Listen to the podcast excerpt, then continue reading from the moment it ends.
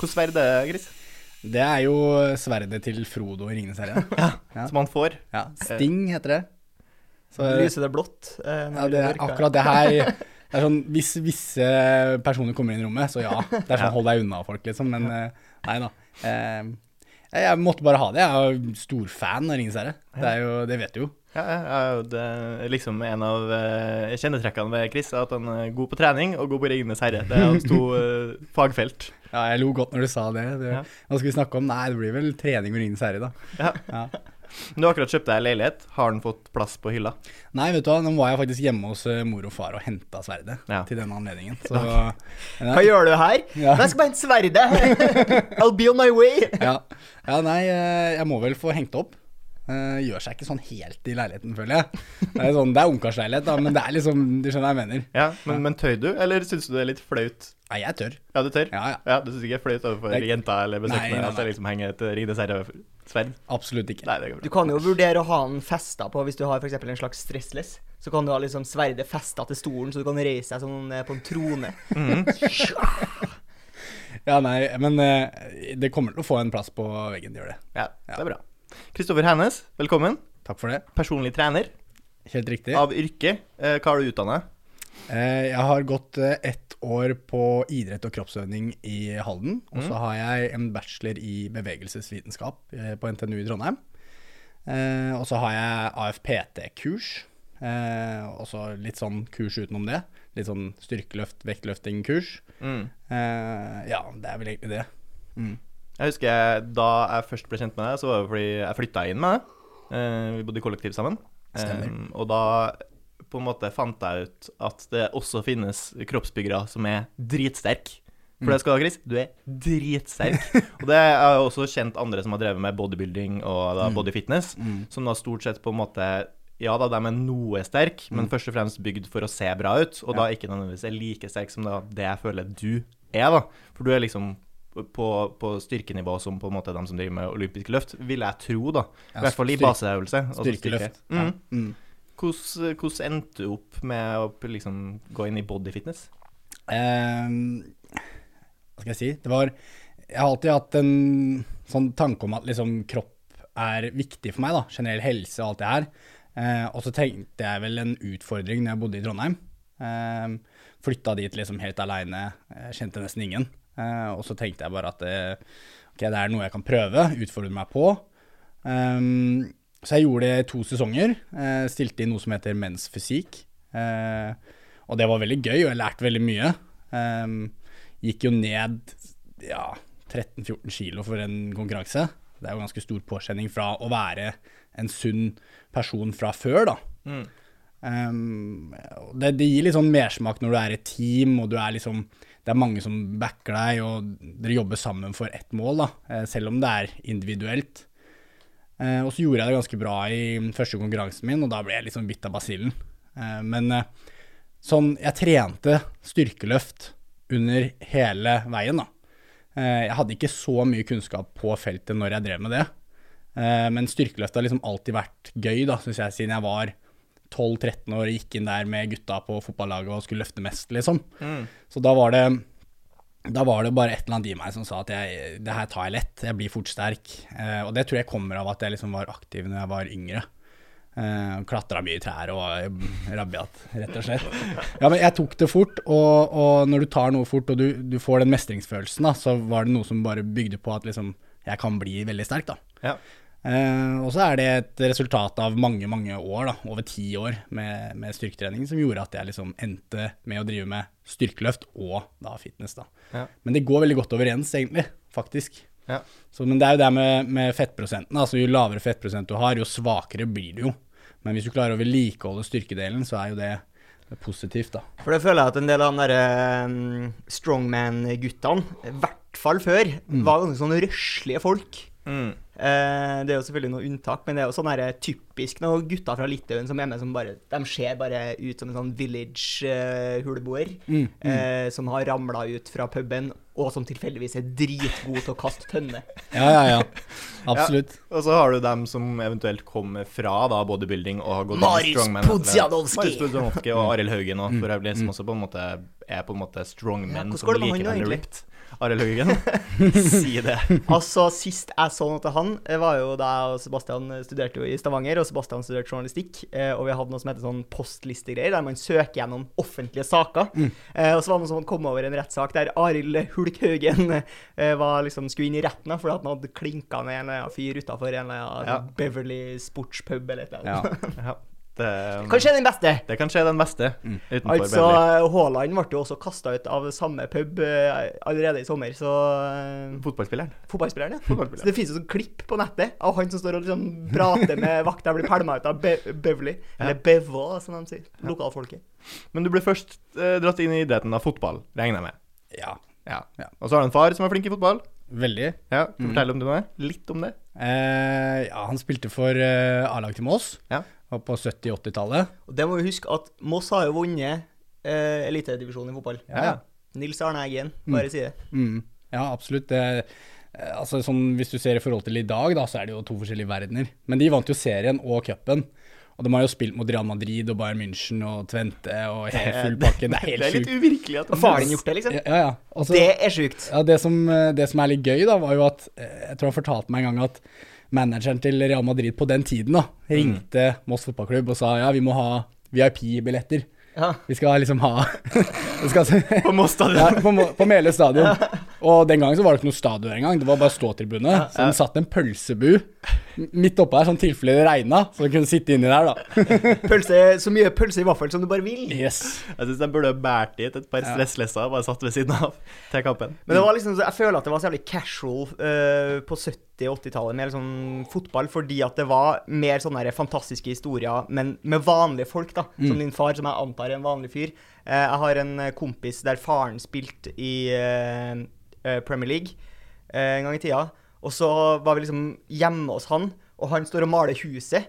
Og så bare sånn Å, faen, eh, fet drakt du har på seg. Står han og maler huset i en fotballdrakt, da. Som var en sånn match-worn Gascoigne-drakt som han har bytta til seg. og bare sånn, og det, å ja, den har du lyst til å få maling på, liksom? Ja, nei, det var ikke så farlig, liksom. Nei, Gascoigne var en fining, han. Ja, altså, jeg tror faktisk eh, noen av de spillerne ble huska litt mer også. Litt fordi at det var eh, Hva skal jeg si, det var ikke så mye media og sånn, men det var liksom de historiene som du sier, da. Ja. Det, var, det var mye av det, da. Som folk kjenner igjen. Eh, så det er litt kult. Sånn, sånn type ting. Men er det sånn at når far din går rundt i Moss, så blir han kjent folk stopper ja, ja, sånn? absolutt. Det går ikke an å gå på butikken med han. Det, det er helt håpløst. Og så spør de alltid hvordan går det med klubben, Ja. men han har ikke noe med klubben å gjøre lenger. Så det, er- ja, nei, det, det er artig. du får google det. Ja, jeg satt jo og så på TV2 Sporten, for det er noen år siden nå. Mm. Plutselig så begynner Mini og han derre som han krangla med, hva heter han? Han eh, ja, uansett, begynner å snakke om pappa da, Ok. under sendinga. Og jeg sitter og ser på, jeg bare ja, ja, ja, Men drypp det på klokkeren, da. Får du noe recognition som liksom eh, Nei, absolutt ikke. Sønnen til legenden? Nei, Det var jo litt sånn når jeg spilte fotball, så var det eh, Folk tenkte liksom ok, du er siste mulighet der, kom an. Ja. Sånn. Eh, push på. Og jeg satsa jo veldig. For jeg, jeg gikk jo på Vang toppidrett, og eh, jeg brant jo for å spille fotball, men det ble på et punkt litt for mye, da. Så for meg så ble det liksom sånn Nå spiller jeg fotball bare fordi at folk vil at jeg skal spille fotball, da. Ja. Eh, og, og da mister du gløden. Jeg husker jo det blant dem som er like gamle som oss, eh, fordi at Rosenborg begynte å ta inn spillere på sånn akademifotball. Mm. Sånn Rosenborg G16 og Rosenborg Junior og sånn. Og det var jo dem. De slutta jo å spille fotball. Når de på en måte ikke klarte proffgreiene, så slutta jo dem. Mens dem som, eller eksempel jeg, da, som aldri har vært god å spille fotball, har jo spilt fotball hele livet fordi at jeg har alltid bare gjort det fordi jeg syns det er gøy. Sjøl om jeg er ræva, så er det gøy, liksom. Mm. Mens det der når du har eh, fem treninger i uka, og det er mye press, og kanskje du har egentlig tenkt litt sånn Oi, shit, nå er jeg faktisk inne i Rosenborg-systemet. Nå har jeg egentlig klart det, liksom. En liten stemme bak i hodet som sier det, og så går det ikke, og så blir det bare enorm skuffelse. Det er, det er, det er synd å si det, men det er for dårlig i Norge. Det er altfor dårlig i Norge. Og jeg har sett det selv, og jeg har sett det på andre spillere, at det er unge, unge gutter som ja, har talent, da, som har noe å gjøre i norsk fotball, de, eh, de kommer ikke fram pga. for dårlig oppfølging. De, altså, jeg og et par av kompisene mine, var, det var mange talenter der, da. Men vi satt jo og drakk cola og spiste pizza i timene, liksom. Og vi gikk på Vang toppidrett. Ja. Det var ingen som sa til oss at liksom, skal dere bli veldig gode De sa jo sånn ja, du må spise bra, liksom. Men de fulgte oss ikke opp, da. Ikke sant? Eh, og når du er tenåring, eller ung tenåring, så skjønner du ikke så mye selv. Nei. Man er jo unge, ikke sant. Mm. Eh, så det der må bli mye bedre. Altså alt, da. Alt rundt. Altså søvn, kosthold, eh, prestasjon på banen er én ting, og fotballtrenerne kan fotball og alt det her. Men, eh, men det er viktig det rundt, og det er det for, Ernæring lite, ja, det er det for lite fokus på i dag, da. Bygge den derre 24-timersutøveren. Yes. Mm. Ja, det er jo mye prat rundt det, og i hvert fall det. Jeg husker jo Ronaldo var liksom Han var den som var tidlig ute med å skaffe seg egen kokk, altså, hvis man har råd til det. Men det å sørge for at alt kostholdet var på plass og sånn. Mm. Du hører jo også så mange historier om unge fotballspillere som bare blir kasta ut i penger, og så er det ingen som passer på dem ellers. Så sitter de og spiller Fifa og gjør ingenting ellers når de ikke spiller fotball. da. Det er litt trist. Ja, jeg tror i hvert fall hvis man kommer fra sånn eh, fattige kår, altså de der eh, unge brasilianerne som ikke blir fylt opp. En ting er hvis du er nordmann, da, har du mest sannsynlig Eller det er gode odds for at du kommer fra i hvert fall litt ressurssterk familie. Så eh, det blir nok servert fiskekake til middag én gang i uka, i hvert fall. Ja. Mens liksom eh, Cicinho fra Brasil, som flytter til Spania som tolvåring, og bare sånn Å ja, jeg kan bare drikke ti sangria før frokost, og det er ingen som stopper meg, og jeg har alle pengene i verden. Kjører på den. Det er det som er sykt òg. Vi er jo verdens rikeste land, holdt jeg på å si. Hvorfor, hvorfor har vi ikke midler til det her, da? Eh, Vi har jo det, men altså Det er litt syns ikke det er litt fascinerende at vi har noen som faktisk er der oppe, når vi er så få folk? Jo, jo, absolutt. Det er, det er positivt. Men sånn generelt sånn oppfølging så kunne vi hatt enda flere, flere gode spillere, da. Ja. Tenker Ja. jeg. Eh, For å dra det tilbake til body fitness igjen. eh, hvordan Altså, hvis man skulle begynt med bodyfitness i dag, er det noe du hadde anbefalt? Kan jeg spørre hva bodyfitness egentlig er? Ja. Eh, for det første så er body det ordet, Ja. det er vel ikke det det egentlig heter. OK, hva kaller Det, du det? ja, det, du kan kalle det litt eh, Du kan kalle det bodybuilding eller Ja. fitness, bare. Ja. Men, men nei, det er ikke noe jeg anbefaler. Eh, med mindre du er en eh, person som har veldig god selvkontroll og vet hva du driver med, da. Mm. Problemet nå er jo kanskje at eh, spesielt yngre jenter og gutter eh, blir med fordi at de har lyst til å gå ned i fettprosent, og de har lyst til å ja, bygge større rumpe eller større bryst. da. Mm. Og når det er fokuset, så blir det veldig feil. Fordi du blir utsatt for noe som egentlig er veldig krevende, da. Altså, du går jo et kaloriunderskudd over lange, lange perioder. Mm. Det her påvirker jo det hormonelle i kroppen vår til de grader. Ja, ja. Og, og altså, du sitter jo igjen med nesten ikke noe testosteronproduksjon. Ja. Så å si null. Og så når du er ferdig, så er det bare bam, ok, begynn å spise, og så bare får du tilgang på all mat i hele verden, ikke sant. Mm. Og så um, legger du på deg det du gikk ned på ti dager, og, og fem kilo til. Og det, det stopper seg ikke selv alltid, da. Mm. Så nei, jeg, jeg anbefaler det ikke eh, til vanlig mann i gata. Absolutt ikke. Men eh, for å gå tilbake til spørsmålet til Torgrim. eh, Hva er bodyfitness, eller bodybuilding, og da eventuelt fitness? Det er, jo- bodybuilding eh, for litt mindre folk. Ja, du har jo Det er kategorien der du Ja, ikke nødvendigvis trenger å gå på steroider. ja det er helt Ja. riktig. Ehm, og det er Hva skal jeg si Det er jo uh, hvor du du går ned i fettprosent, og du skal stille fram kroppen din på en scene da, og bli dømt av noen dommere. Mm. Hvem er de her dommerne, typisk, da? Ehm, det er jo Hvor melder man seg? det, er- det, er- det er jo litt sånn Der har det vært mye sånn fram og tilbake om meninger og sånn, for det er jo en mening som dømmer den som er best. Eh, og um, de er jo ofte ja, rutinerte byggere fra langt tilbake og har vært dommer i mange tiår, da. Mm. Eh, du får et øye for sporten, da. Det skal sies. At eh, hvis du ser mye på idretten, så ser du hvem som på en måte har den fysikken til å vinne osv. For det går jo på enkelte kroppsdeler når du evaluerer det her, da. Mm. Så når du står på scenen, så er det sånn ok, har han bra framsidelår, baksidelår, legger? Har han en helhet? Poserer han riktig? Eh, Men er det en sånn sjekkliste? Sånn Ja. eh, størrelse, fasong eh, Mm, ja. typ. Og så litt sånn hvordan du fremtrer på scenen, da. Er du, eh, er du veldig stiv og liksom beveger deg litt sånn dårlig? Smiler ikke, ingenting? Så, Det er litt sånn show. ja, det er litt show. Det er det. det, er det. Og, og det er nok litt misforstått av veldig mange. Ja. Uh, for, for det er jo en slags kunst ved det, på en måte, vil jeg si. Altså, jeg kan ikke komme på jeg nå, eh, noe som min mor ville ha rulla mer med øynene over enn bodybuilding. Altså, min mor ruller med øynene til mye, så du skal ikke ta- for mye på det, altså. Men, men OK, nå kommer jeg til å si feil navn, fordi det var en av de eh, greske filosofene Jeg bare sier Aristoteles, og så var det sikkert feil. Okay. Som sa et eller annet at eh, hvis du som ung mann ikke bygger kroppen eh, Tester kroppen din eh, til å se liksom hva som er det fulle potensialet, så er det liksom a waste of youth, da. Eh, så, så lenge har man jo sett på det som en kunstform, liksom, eh, Ja. og liksom vise hva er det ypperste potensialet til kroppen din. da. Ja. At eh, kroppen din fortjener å se det. Du setter en knapp på Aristoteles, jeg setter en på Platon, siden han het Platon fordi han hadde brede skuldre.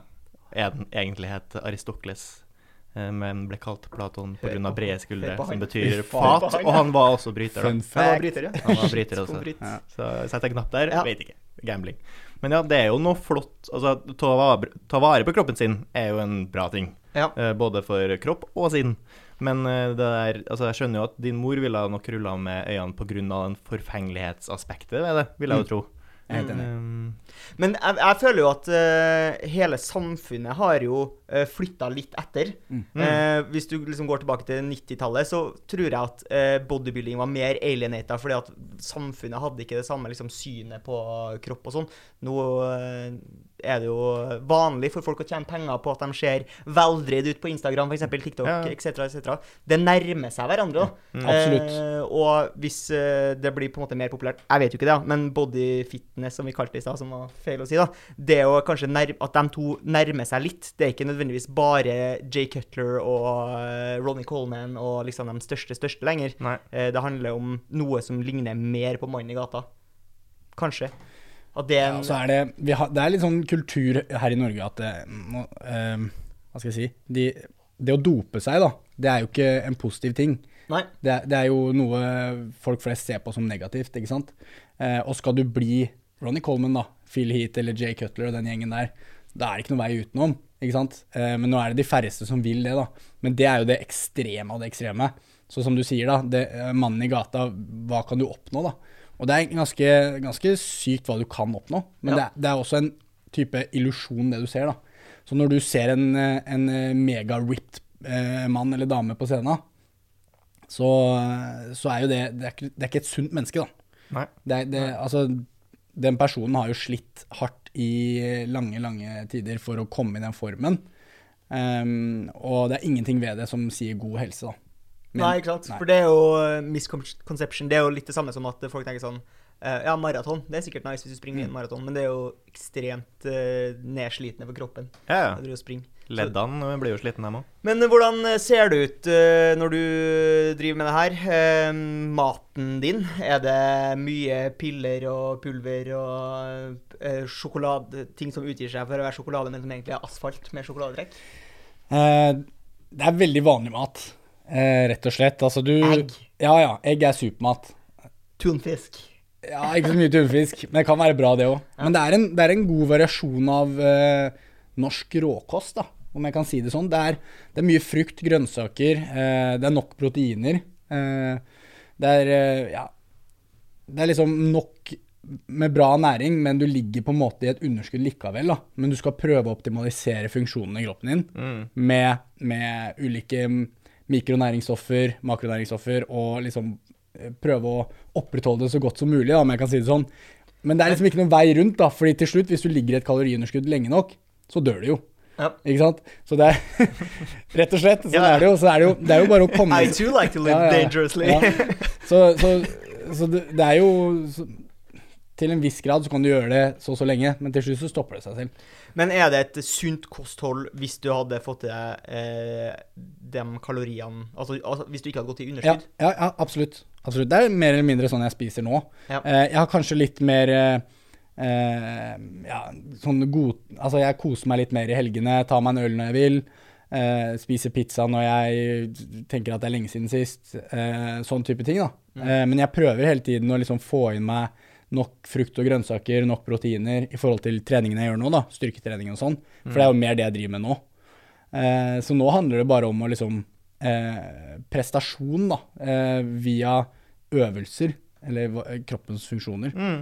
Eh, så det, jeg syns det er litt mer morsomt nå, Ja. eh, kontra jeg, litt, eller jeg har gått bort fra fitness-delen, da. Mm.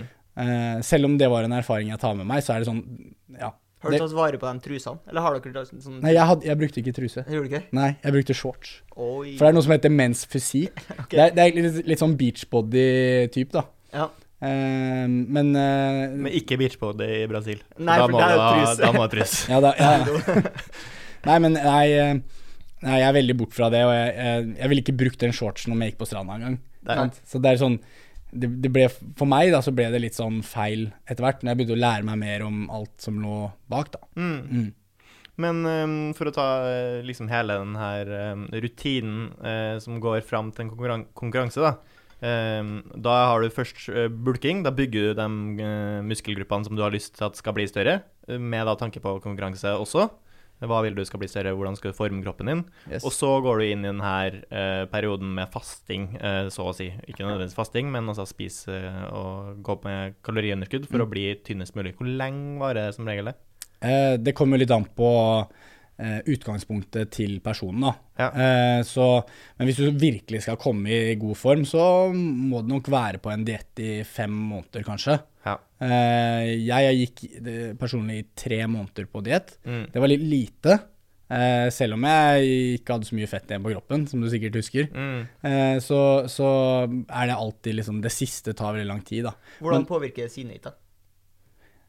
Til, altså, Jeg husker jo da jeg, da jeg bodde med Chris, så sa jo Chris ifra. Nå skal jeg begynne å gå med kaloriunderskudd. Nå kommer jeg til å bli sur, gutta. men det var ikke så ille. Det var ikke så ille. Nei, det var ikke det. Altså, eh, til en viss grad så får du et fint sånn fokus, spesielt i visse tider på døgnet. Når jeg sto opp, tok kaffen min, spiste frokost, så satt jeg med skole i fem-seks timer. Ikke sant? Ja. Eh, og da hadde jeg et fint fokus, selv om jeg var i kaloriunderskudd og trente to ganger om dagen. Eh, så var det, gikk det gikk det helt fint. Eh, men når det nærmer seg konkurranse, så begynner det å bli litt fjern. Mm. Eh, Det har litt med stoffskiftet vårt å gjøre. da, Eh, At vi, Hvis jeg legger meg si 200 kalorier i underskudd, så vil kroppen vår tilpasse seg de 200 kaloriene. Så den vil skru ned forbrenningen vår, da. Mm. Eh, slik at, eh, slik at eh, vi f.eks. blunker mindre, eller rett og slett beveger oss mindre. da. Gjør mindre med hendene, sånn som jeg gjør nå. Ja. Mm. Når du snakker, alt sånn her, så den vil justere seg. Så kroppen vår vil jo overleve, ikke sant. Så, men du er nødt til å legge deg ca. 500 kalorier i underskudd. Eh, og jo lengre du ligger der, da, så vil jo kroppen til slutt tilpasse seg det. Så du er nødt til å gå lenger ned etter hvert. da. Ikke sant? Eller øke aktiviteten. Det kan også være eh, en mulighet. Men det å sitte og regne på kalorier, er det noe man på en måte lærer seg, eller sitter du liksom fortsatt og skriver ned alt du spiser, og liksom sjekker opp og leser på baksida og sånn styr? Ehm, hvis jeg skulle Det er et regnestykke, rett og slett, ut ifra deg som person, da. Ja. Så hvis vi hadde tatt deg, så hadde jeg liksom stilt deg spørsmål om eh, alder, høyde, hvor mye aktivitet har du i hverdagen, ehm, vekt og alt sånt der, da. Så kunne jeg regna ut det. Eh, og så hvis jeg skal eh, Hvis du skal holde deg til la oss si 2500 kalorier, så må du jo enten lage en plan som du vet er 2500 kalorier, Ja. eller så må du eh, ja, telle kalorier, da. Så legge inn all maten din i Vi har jo flere apper for det nå, som er egentlig ganske lette å følge. Så du kan skanne matvarer og legge det inn, og så Da må du også veie det, da. Det går an å ta det sånn cirka, eh, men Men, eh, men der, er, da vet du i hvert fall, da har du kontroll, da, hvis du tar sånn cirka. Så noen ganger så anbefaler jeg at man sjekker en gang eller to i uka, bare for å se sånn cirka. Ja. Du ser, når du kommer på konkurranse, så ser du hvem av bodybuilderne eller fitnessfolka som er dårlig i hoderegning. Den magen har bare stått og rainmana på butikken og bare ja, 20 hamburgere og Ja, det, men det burde vært strengt. Mye strengere enn det der. Ja. Sånn, sånn sett. Så nå er det litt sånn Det er jo litt penger i det for noen, sikkert. Eh, og ulike teams, har, jo flere de har med, jo mer penger tjener de. Mm. Men det er mye dårlig coaching, da. Ja. Eh, og det Ja, det er visse mennesker man må si at beklager, men eh, du må nok vente et år, da. Og det er jo litt sånn tøffe ting å si til en jente f.eks. på 18 år, da. Ja. Å si at du er ikke tynn nok, liksom. Nei. Eh, det, er, det er en av de eh, Kan du si det på en annen måte? Eh, Du er ikke på en måte akkurat for tjukk nok. Du ligger, ikke, du ligger ikke så godt an til konkurransen.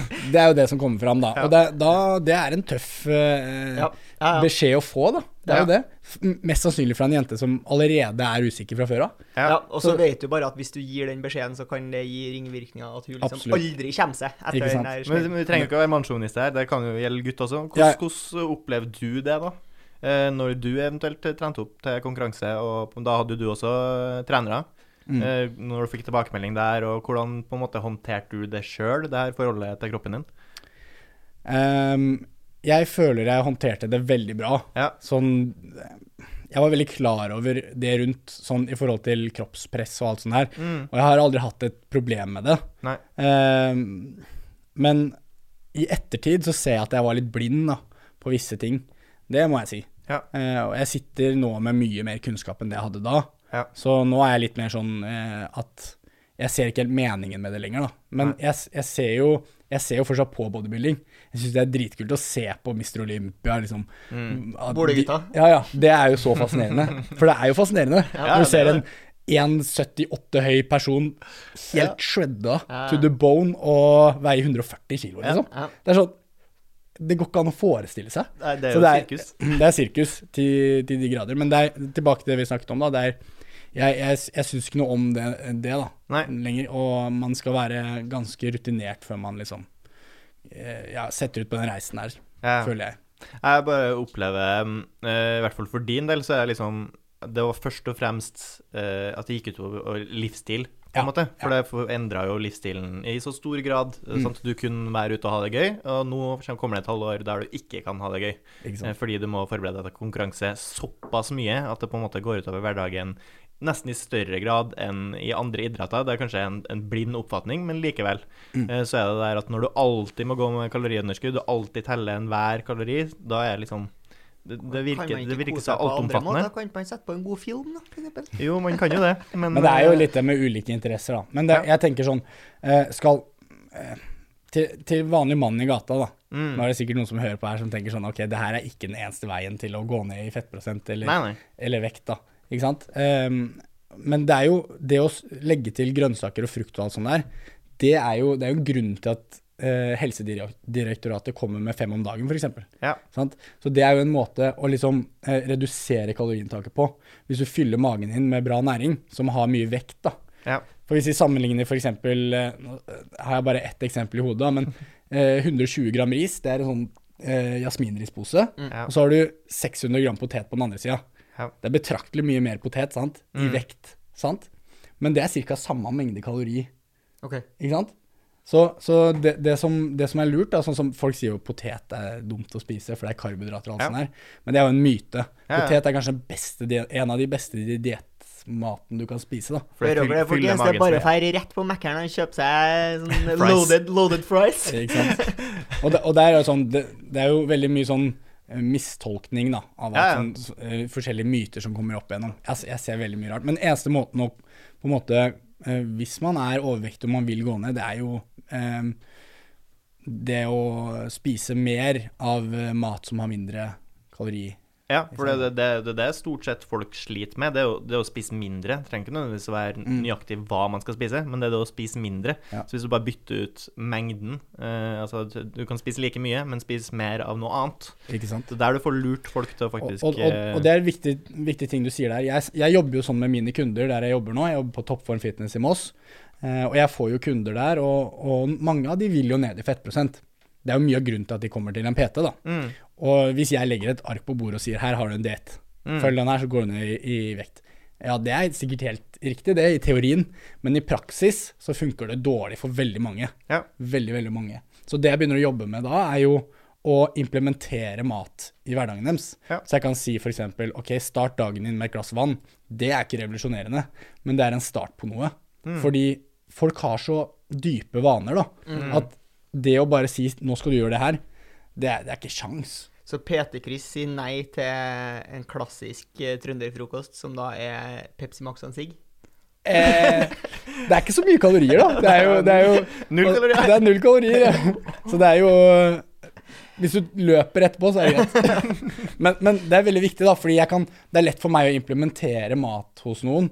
Jeg kan Ja. si f.eks.: OK, vi starter med et glass vann når du står opp, og så legger vi til tre frukt i løpet av en dag. mm, Og så sier jeg det her klarer nevøen min. ja. Sant? Og så tenker de Og så sier jeg han er ni år. Da- klarer du det. Du er 53 og heter. Per, liksom. Ikke sant? Så da Du klarer jo det. Men da, da er jo det stort sett for å lure inn eh, frukt og grønnsaker der, er jo for å eh, lure vekk noe annet. Sant? At de ikke spiser noe annet, at de ikke småspiser noe annet. Fordi da har de faktisk fulgt på en måte det behovet sitt med, med noe som er sunt, da, i stedet for å trø på seg noe potetgull eller noe sånt. Og det er derfor Helsedirektoratet kommer med den, da, Ja, ja. fem om dagen. Fordi at det vil resultere i at du spiser mindre prosentvis av de her store fettrike måltidene. da. Nå sier jeg forresten ikke at fett er dårlig. Nei, vi nei. trenger fett, men eh, ofte når vi spiser eh, måltider som inneholder eh, veldig mye fett, da, så er det lett å overspise. Ja, ikke sant? Fett og sukker og salt. Det er Så en et eh, deilig kombo. eh, britisk TV-program eh, der de gjorde et forsøk på at de skulle få folk til å spise i blinde. Mhm. eh, som resulterer til at man spiser mindre. Fordi, okay. Både fordi at man spiser saktere. Ja. For det som er vanlig, er at hvis du spiser fort, så spiser du, fortsetter du å spise Ja. etter du egentlig er mett. Ja, ja. Du, Fordi- må, du må spise så fort at magen ikke rekker å oppfatte at den er mett. Det er jo triks. Eh, og nummer to er at eh, da er du på en måte ferdig å spise når du er mett, ikke når det er tomt på fatet. For det er jo også en sånn greie at eh, vi spiser jo opp maten vår. Vi spiser Ja. jo opp det som er på tallerkenen, liksom. Og det er jo en bra ting.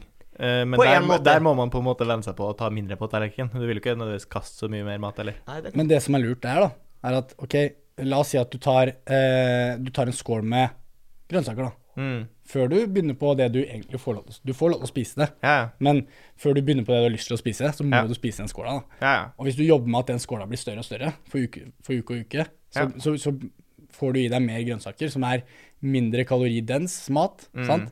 men har masse bra mikronæringsstoffer. Ja. Og få masse bra som vil hjelpe de ja, eh, fysiologiske funksjonene i kroppen. Da, ikke sant? Så det er jo veldig positivt. Og egentlig spise mer. Du trenger ikke spise mindre for å gå ned i vekt. Nei, Det er det må, som er. men du Men- trenger mindre kalorier for å gå ned i vekt. Ja, og det her er jo noe som vi burde lært om på barneskolen.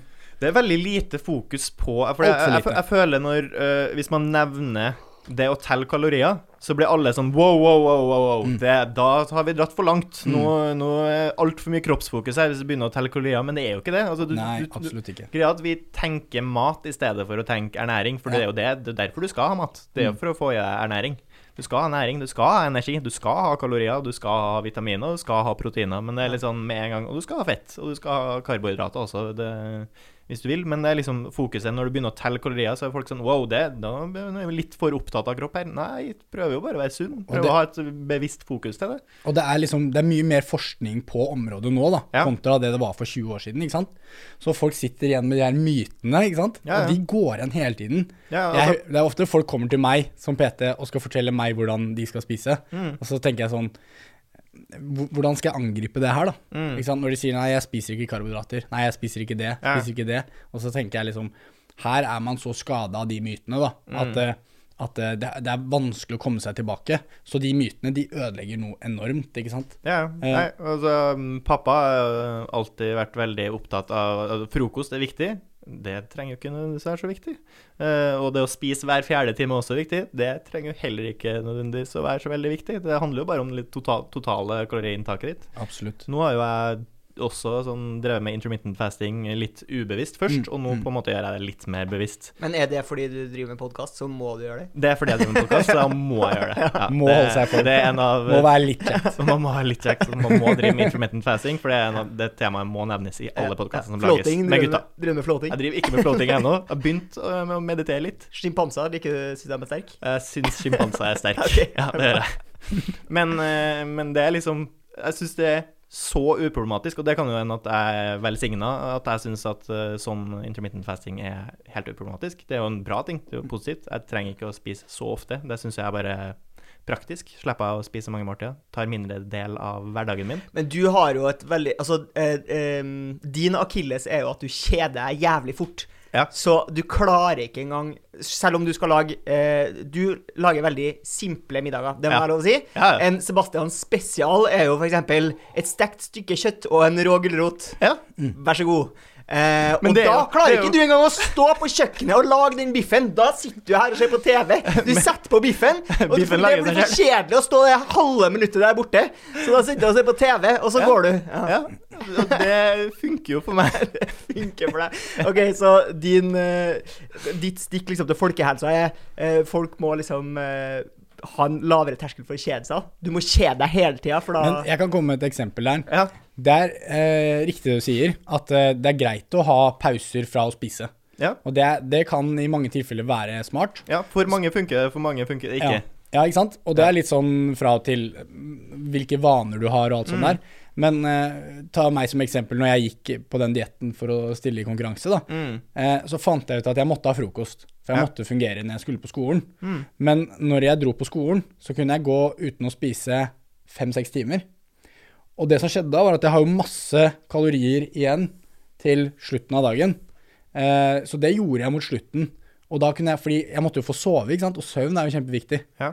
Det burde vi egentlig snakke litt om. Ja. Eh, søvn, søvn er jo superviktig, så for at jeg skulle få sove, for jeg var så sulten, ikke sant. Og, så, og på kvelden så hadde jeg cravings til 1000. Okay. Så da døtta jeg inn resten av de kaloriene i løpet av den, Ja. den planen jeg hadde. Det er ikke helt optimalt, fordi at vi har, vi har eh, Dere kan hende dere har hørt om det, proteinsyntesen vår. Ja. Altså, Du bør ikke spise rett før du legger deg. Hva da? Man bør jo ikke spise rett før man legger seg heller. Eh, hvis, hvis Det kommer an på, da. Mm. Eh, det har ikke så Sånn som vi snakker om når eh, eh, Om søvn, da. Hvis det får deg til å sove bra, så er det positivt. Ja. Ja. ja, ja, for all del. Ja. Så eh, Nei, jeg tenker at eh, hvis du liker å spise før du legger deg, og du har en sunn helse, så er ikke Ja, det noe problem. Nei, hvis det ikke påvirker søvnen din nevneverdig, Mm. så gjør det ikke det. Men for mange så er det jo faktisk positivt å holde seg unna mat før man legger seg, pga. søvnkvaliteten. At du vil sove bedre av det. Hva tenker vi om en Davy Vatne å stå opp midt på natta for å ta seg et glass cola? Ikke helt uh, optimalt, tenker jeg. Nei, ikke optimalt. Nei. Men Torgrim har akkurat begynt å slange seg. Det har drevet en stund nå. Ja, jeg skulle bare oppdatere dem som eh, hører på fra Ja. uke til uke. For vi snakka om at jeg, begynner å spi, har begynt å spise lite, og at når jeg spiser, så spiser jeg eh, mye fiskekaker og, eh, og råkost. Eh, altså gulrøtter og sånne ting. Mm. Eh, uka her har jeg kjørt en slags svensk jackpot med frossenpizza hver dag. Så klarer liksom ikke å helle den gå an. Ja, Men du har jo Det- ikke spist noe mye for det. Nei, jeg har ikke spist så mye. Men det det, hvor mange måltider har du om dagen når du har den eh, svenske pizzaen til middag? To. To måltider om dagen. Og den svenske pizzaen er jo liten. Ja, ja. Altså, du går fortsatt med kaloriunderskudd, vil jeg tro. ja, det kan godt være det. For det er ikke mye kalorier i den pizzaen din, altså. Nei, det er sikkert ikke. men det er interessant, eh, for eh, du, når, du, når man skal gå ned i vekt, så vil man helst bli der.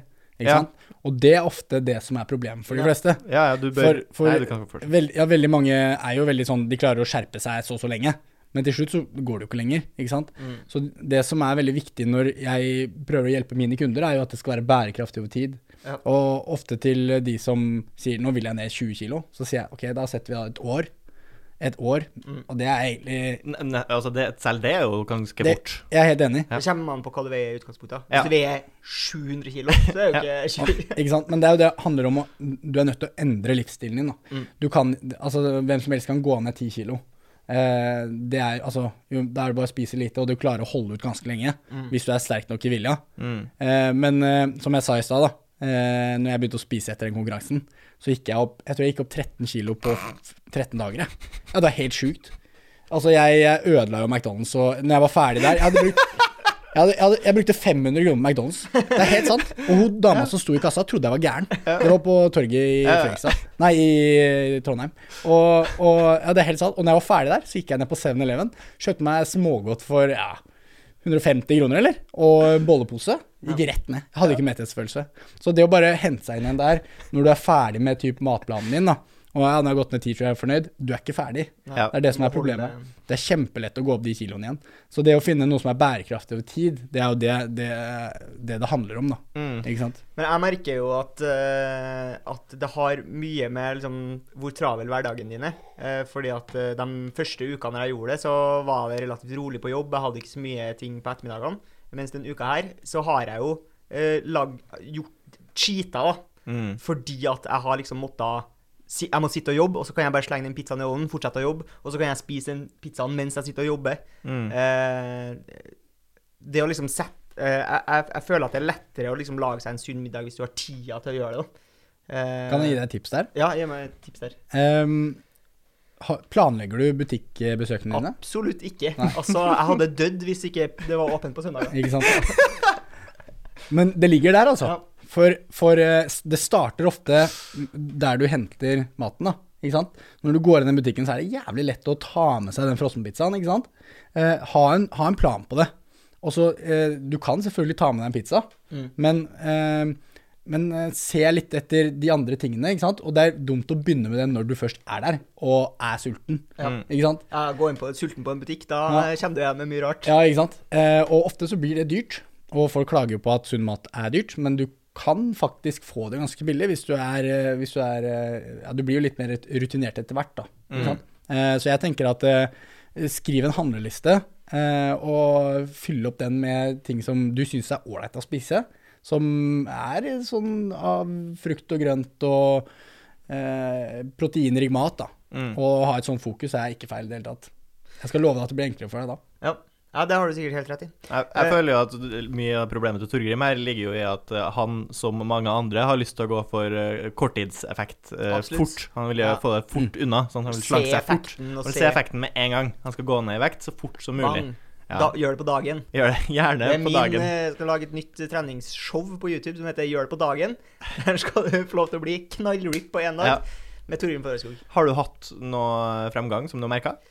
Eh, nei, altså det eneste jeg klarer på en måte å forholde meg Jeg syns det er vanskelig å på en måte se det på kroppen. Det Ja. klarer jeg ikke å gjøre. Um, og kjenner jeg kanskje litt i bukselinninga. Kanskje første Ja. plassen man kjenner. Ser det kanskje på vekta, men så har jeg samtidig begynt å trene litt styrke. Som eh, Da blir det jo vanskeligere på en måte å ta det på vekta rent, liksom. Så jeg, jeg vet ikke. Jeg syns uh, Altså, problemet mitt er at jeg er en fyr uh, som er litt simpel i hodet, Mm. og trenger å liksom se det i klartekst. Mm. Jeg syns det er vanskelig å drive og streve med det der sånn Ja, kanskje en anelse i bedre form, føler meg litt lettere i kroppen. Det er ikke konkret nok for meg. Jeg vil ha det binært. Jeg vil ha Mm. og null. Null er dårlig, og én er bra. Men vet du hva du burde gjøre? Finn deg noe som du syns er gøy. Hvis du, hvis du syns det er gøy, så kommer du til å gjøre det uansett. Ja. Så, og, og bivirkningen av det er jo at du fortsetter å gjøre det hele tiden. Så hvis du f.eks. går på trening og syns det er litt kjedelig, eller du vet ikke helt hva du skal gjøre, invester litt penger i å få et program av en PT, da. Eller en online coach. Ikke sant? Mm. Det, det er så verdt det. Fordi at du, da har du den, du vet hva du skal gjøre, og så blir du god på det som står på det arket.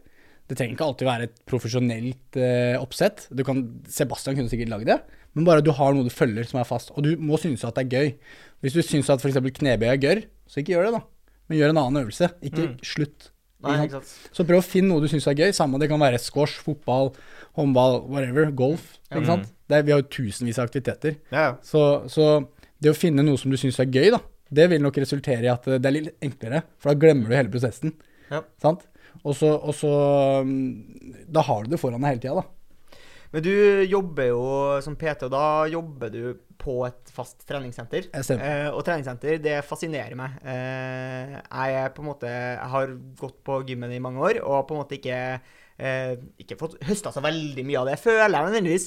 Men jeg syns ikke det er gørr å gå på gymmen, for på gymmen, det er monsterbedriften. Altså. Det, der har du alle i Det er tverrsnittet av samfunnet. Alle drar dit. Ja.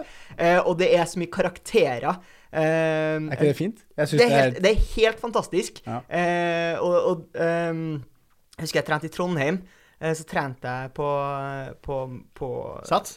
Ja, nei, det, Fresh Fitness het det etter hvert. Okay. Oppå på Valentinlyst.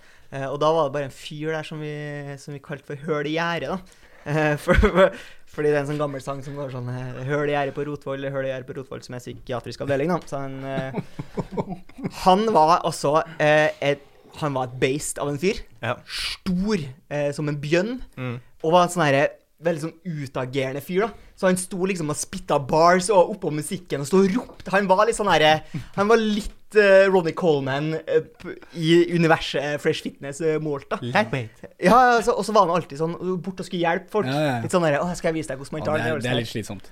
Det er litt sli- og, så, og så blir man jo fanga av sånne folk. sant? For han, han, han var der alltid når jeg kom, og han var der alltid etter jeg dro. Altså, han bodde nok antageligvis der. Ja, ja. Og så husker jeg at uh, jeg sto der, og jeg, altså, jeg er- ser jo ikke topptrent ut i det hele tatt, men han var der og skulle gjøre noen nedtrekk, da. Står der og leser Ja. på. Ja, ja, ja, ja. Og så kommer jeg bort til sånn uh, Jeg skal vise deg hvordan man skal gjøre det, liksom. Og jeg orker ikke å ta den krangelen, så jeg bare sånn Ja, ja, bare vis. Og så gjør han det som han mener at han skal gjøre det, og det var veldig Tarzan-aktig opplegg. Så tenkte jeg sånn ja, jeg, jeg, jeg sier bare ja, liksom, Ja. og så kan han gå. Og så setter jeg meg ned og så fortsetter jeg, og så ser han jo at, at jeg ikke gjør det sånn som han har sagt at jeg skal gjøre det. Så kommer han bort og sier sånn «Hæ? If you wanna be a cripple Fy fader, det er ikke greit. Ja, det, Nei, er og jeg det er spesielt, da. Ja, og så tenker jeg sånn, det er jo kanskje kan være problematisk for treningssenter. fordi at hva skal man gjøre da? Kan man som ansatt gå bort og si til den fyren her sånn Ja, du kan ikke plage kundene, liksom. For jeg husker at det var ei dame som var sånn derre Skal dere trene her en time til? For da var det nesten ingen på senteret. Mm. For hun tusja ikke å være der alene med han. For at, eller hun gidda ikke å deale med det, da. Det er, det er en problemstilling eh, hos mange sentre. At, det, at det, man tør ikke da, å være der. Men det er jo så mange andre aktiviteter. Det trenger ikke nødvendigvis være på gymmet. da. Nei. Eh, Du kan jo trene styrke ute, f.eks. Ja. Ja. Men jeg husker at uh, i Trondheim så var Altså, jeg føler jo at dem som er litt sånn ekstrem, kanskje samler seg på egne treningssenter. I Trondheim så var det et treningssenter som het Flex, tror jeg. Som var litt sånn der, Der kan du trene i baris, og der kan du styre musikken sjøl på anlegget, og litt sånn der eh, gamle gutta boligym. Ja. At de samler seg kanskje litt der, da. Ja, ja. Jeg vil jo tro at eh, de miljøene som er rundt bodybuildinga, som samler seg på en og samme plass. Eh, Og også de guttene som jobber med midler som ikke er fullt så lovlige i Norge, samler seg nok også på samme plass, samme plass vil jeg tro. Jeg, vi prata litt om det mm, i stad. Det at du må få altså, trening og kosthold og sånn, det handler om å skifte livsstil. Og hvis du skal skifte livsstil, så bør du helst gjøre det gradvis og sakte. Altså, det kan ikke skje over natta. eh, Nødvendigvis for alle. Det funker for veldig få. Men det er i hvert fall eh, Jeg føler at jeg har fått et mye enklere forhold til trening etter jeg så på det sånn, etter jeg har fått på en måte mer langsiktige mål. Eh, Hva er målet ditt? målet mitt å være i så god form som jeg kan med den vekta og kroppen jeg har, med minst mulig innsats. Klassisk Sebastian approach. Ja, Minst mulig innsats Minst mulig innsats for best mulig resultat. Ja. Så jeg jo egentlig Nå trener jeg jo ikke noe mye, utover at vi nå har fått inn fotball en gang i uka, som er på en måte en treningsøkt på en time. Så vanligvis er en treningsøkt for meg en halv time. Fra jeg ut døra til jeg er tilbake igjen. Men det, Da- som- det som er så synd, er at du har så enormt potensial, Sebastian. Og du, du vet ikke selv. Jeg kutter potensialet til du hva da? kaster det bort. Du kunne vært en sinnssykt bra crossfitter. Eh, kanskje. Ja, på noen av øvelsene. På noen Roing øvelser. Jeg er for lang, vet du. Ja, men det gir deg goder i noen øvelser, det. Ja, i uh, wallballs og i roing. Der er vel eneste øvelsene det er fordel å være lang, Ja da. Eh, Det, det er ikke Ja, det du har et poeng. Men jeg, men jeg har gra gratis mye bra grunnfysikk har jeg fått bare gjennom å ha et aktivt liv, tror jeg, generelt. Ja. Og så hadde jeg nok lett for det. Jeg husker når vi begynte å trene, da var jeg syltynn og like høy som jeg er nå. Da Så begynte jeg å trene samtidig som Torgrim, og i løpet av et halvt år så hadde jeg gått opp ti kilo muskelmasse, mens Torgrim var så å si prikk lik, og vi spiste så å si det samme, vil jeg tro. Vi prøvde jo bare å spise mye eh, og trene mye. Mens, eh, og da fikk jeg, føler jeg at jeg fikk veldig mye framgang veldig kort, mens Torgrim ikke fikk så mye. Og det, det, folk er forskjellige, ass. Eh, Det er litt sånn interessant tema, for uh, nå er jo du høyere enn Torgrim, Mm. ikke sant? Så du, du trenger jo da mer mat Ja. enn han. Uh, så har du mer masse på kroppen, så trenger du også mer energi. Ja. Rett og slett så enkelt. Ja. Um, men det er ofte mange som skylder liksom Ja, jeg har, jeg har så dårlig forbrenning. Den hører vi ofte, ikke sant? Den hører ofte. Ja, Uh, og det er ikke nødvendigvis riktig, da. Eh, det, det som ofte skjer når eh, noen som er generelt mer aktive enn andre, Mm. eh, er at når du spiser, så ofte resulterer det i at du er mer aktiv, da. Mm. Ikke sant? Og, og det kan jo jevne seg ut igjen, da, når du, når du begynner å bevege deg etter å ha spist. Alt sånt der. Eh, så hvis du møter en kar da, på din alder, din Mm. høyde, din vekt, og dere skal regne ut kalorier, og dere har lik eh, aktivitetsmengde, så er det ganske likt, faktisk. Stort sett så vil jeg tro at stort sett så er det det. Og det er, ikke, det er veldig små forskjeller. Eh, og noen sier sånn ja, du har så mye muskler, da forbrenner du mer og alt sånt der, men eh, det er heller ikke nødvendigvis sant. Det er veldig lite, da. Ja. Veldig lite. Det er også, jeg syns også det er ofte veldig stort fokus på um, det her forholdet mellom mat og trening. Ja. Og så tror man at hvis man, eh, hvis man trener mye, så kan man plutselig spise uendelig mye mat. Sant? Eller hvis man tar seg en treningsøkt, ja, men da kan jeg jo spise en sjokolade, liksom. Ja, men du har ikke sjans til å få brenne en hel sånn der plate liksom, på en trening. Det er liksom Jeg- det- Hvor mye tror du du brenner av på trening? sykt. Det er Og sykt, så jeg, mye. og jeg, jeg liker det eksempelet der veldig Ja. godt. Fordi hvis du tar en melkesjokoladeplate da, som Ja. er 200 gram, jeg tror det er 1150 kalorier i en sånn en. Ja. Da skal du faen meg løpe langt, altså. Da skal du Da skal du faen meg trøkke til. Og, og det er lett å få ned den. Ja, ja. Veldig lett. Mye lettere enn å trene bort Ja, sånn. ja, ja. Mitt tips til folk som har lyst til å forbrenne fett, er å få Parkinsons. De er alltid tynne, for de har jo sånn at de står og skjelver. Ja. Så musklene går hele dagen. Det Vi har jo også eh, eh, en venn av oss, eh, Petter Iversen, kan jo name-droppe han. Han har jo Jeg skal hver gang nevne Ja, må huske å drikke kaldt vann, for hvis du drikker kaldt vann, så må jo kroppen bruke energi på å varme den opp i kroppen din. Så du må tenke Fil av ett gram på hver Altså, del på bilen, så ja, blir Hvis du drikker tre liter kaldt vann i løpet av et år, så har du forbrent så og så mye, så så mange kilo fett. Så er det verdt det. Optimalisere. Optimalisere. Men altså, jeg, jeg klarer ikke helt å skjønne Jeg tror at jeg har det samme problemet som veldig mange har, er at det er vanskelig å visualisere på en måte eh, kalorier mot trening. Det er vanskelig for meg å vite liksom Men du, eh, se, se på det sånn her, kort fortalt. Kalorier er eh, en målenhet på energi. ja, Så kalorier er egentlig, når du snakker om kalorier, det er bare hvor mye mat er det. ja. Mm. Og da er det vanskelig for meg Altså, eh, jeg klarer ikke å se for meg liksom hvor lang tid det tar å øh, bruke øh, energi som er lik en melkesjokoladeplate, da, for Nei. eksempel. Du trenger ikke tenke på det heller, egentlig. Nei, men det er vanskelig å visualisere, og så, får du de her bildene sånn herre Her er frokosten til Michael Phelps. Ja. Det er sånn sju pizza og 18 burgere. Det er sånn Han er der på Mækkern på torget i Trondheim Ja. hver dag. Ja, Men det er jo et sånn sinnssykt eksempel, da. Ja. jeg, jeg tror også at det er litt sånn litt uh, dratt på, Ja. egentlig. Ja, ja. Jeg tror nok ikke det var den daglige kosten hans. Nei, nei, det, Jeg- jeg, jeg tror det- noen der det var bare en sigg og Ja, altså, du ser liksom på de største strongman-gutta som veier 200 kilo Ja. og er en Eller som er Spiser to bløtkake til frokost! Ja, ikke sant? Det blir jo De er jo selvfølgelig massive mennesker, da. Ja. Ja, de trenger jævlig mye mer eh, kalorier. I tillegg så er de mye aktive. Mm. De, trener, de trener jo, de er jo i bevegelse hele tiden også. Ja. Så de spiser jo stort sett eh, i et kalorioverskudd. Ja. Eh, I hvert fall opp imot konkurranse og sånn, vil jeg tro. Mm. Eh, og de er jo ikke sunne mennesker. Mm. Du ser hvor svære, og de er jo ganske ekstra på magen. Eh, Ja, å si. Det Men, de, men de aller fleste av oss, aller fleste av oss, i hvert fall i Norge, spiser jo for mye. Ja, ja. Det For mye kalorier. For Ja. oss, for mye kalorier. De aller fleste. Det er ytterst Og få som farer for for, lite. For. Ja, det er jo to forskjellige for ting. Og, to, og er to forskjellige ting.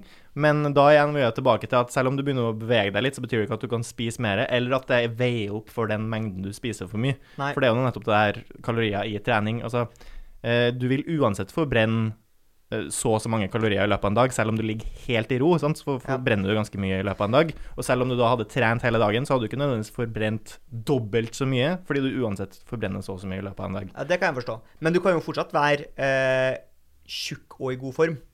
Du, til en viss grad. Og du kan være tynn og i dårlig form.